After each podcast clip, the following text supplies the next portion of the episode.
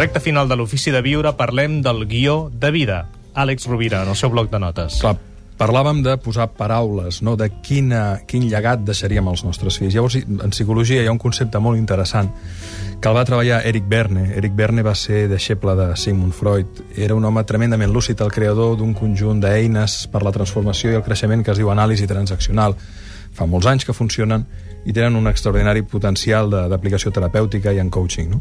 Eh, Eric Berne era molt pragmàtic. Ell deia, guareixis primer i després analitzis, en referència al psicoanàlisi. No? El seu, les seves eines estaven molt pensades per, per, per l'acció, per la transformació immediata de, de la persona, per, per la curació. No?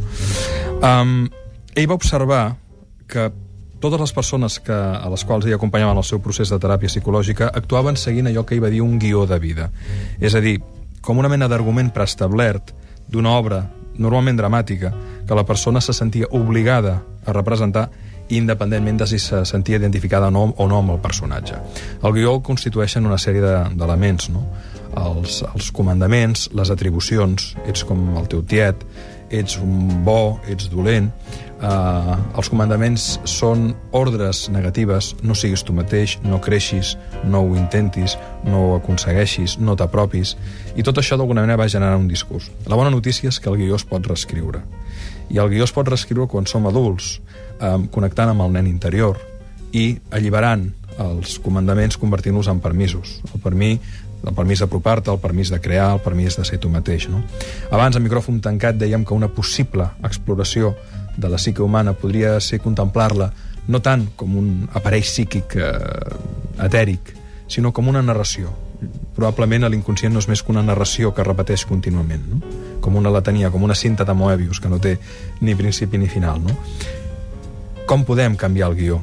Qüestionant-nos, fent un treball terapèutic, amb la pràctica de l'atenció, podem eh, deixar de ser la conseqüència d'un guió escrit a la infantesa i podem nosaltres ser causa d'un guió eh, que amb treball, que amb perseverança, que amb moltes eines que actualment ens, ens ofereix la psicologia, eh, ens pot permetre ser causa de, de com volem escriure aquest guió de vida. Què en pensen els nostres dos psicòlegs per acabar? Jordi Borràs. És una coseta, perquè ara parlaves, feies aquest, aquesta assimilació de l'inconscient amb la cinta de Moebius. M'ha vingut un flash d'una entrevista a Moebius, precisament el, el, el dibuixant amb el qual uh, va treballar tant... Uh, Vaig coincidir l'altre dia al tren amb ell. Ah, doncs, una persona, una persona uh, molt lúcida. Sí, molt. I, i precisament m'ha vingut al flash una, una, una frase que va dir ell uh, i parlava de... Però ell, ell no era el de la cinta, eh? en qualsevol cas coincideix el cognom. sí, sí, sí sí, sí. I, uh, i comentava, comentava com la seva àvia va valorar connectant amb allò que estàvem dient ara, no? abans, vull dir, uh, allò, uh, uh, uh, li va valorar el que bé que dibuixes, no? que, que, que bé, que macos que són aquests dibuixos que estàs fent. Ell va recollir aquell, aquell apunt, el va fer seu, va creure en ell i llavors el va repetir en el seu... És en que el els seu... avis són grans portadors de permisos. I tant. Grans portadors. Els I pares, normalment, inconscientment traslladen comandaments, els avis donen el permís. I en les biografies de les persones que han, que han aconseguit eh, canviar paradigmes a la humanitat, normalment hi ha la figura d'una àvia o d'un avi que és el portador de la llavor de la realització. que a més es permeten ser molt amorosos. Que, que és Exacte, perquè ells, ells han fet la seva feina, per tant estan per permetre, per alliberar de la pressió.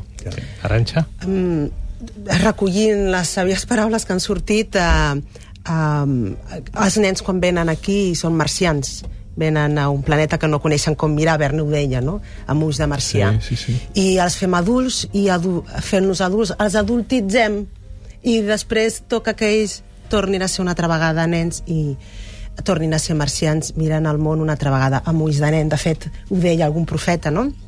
Tots hem de, només entrarem al regne dels cels quan eh, siguem nens.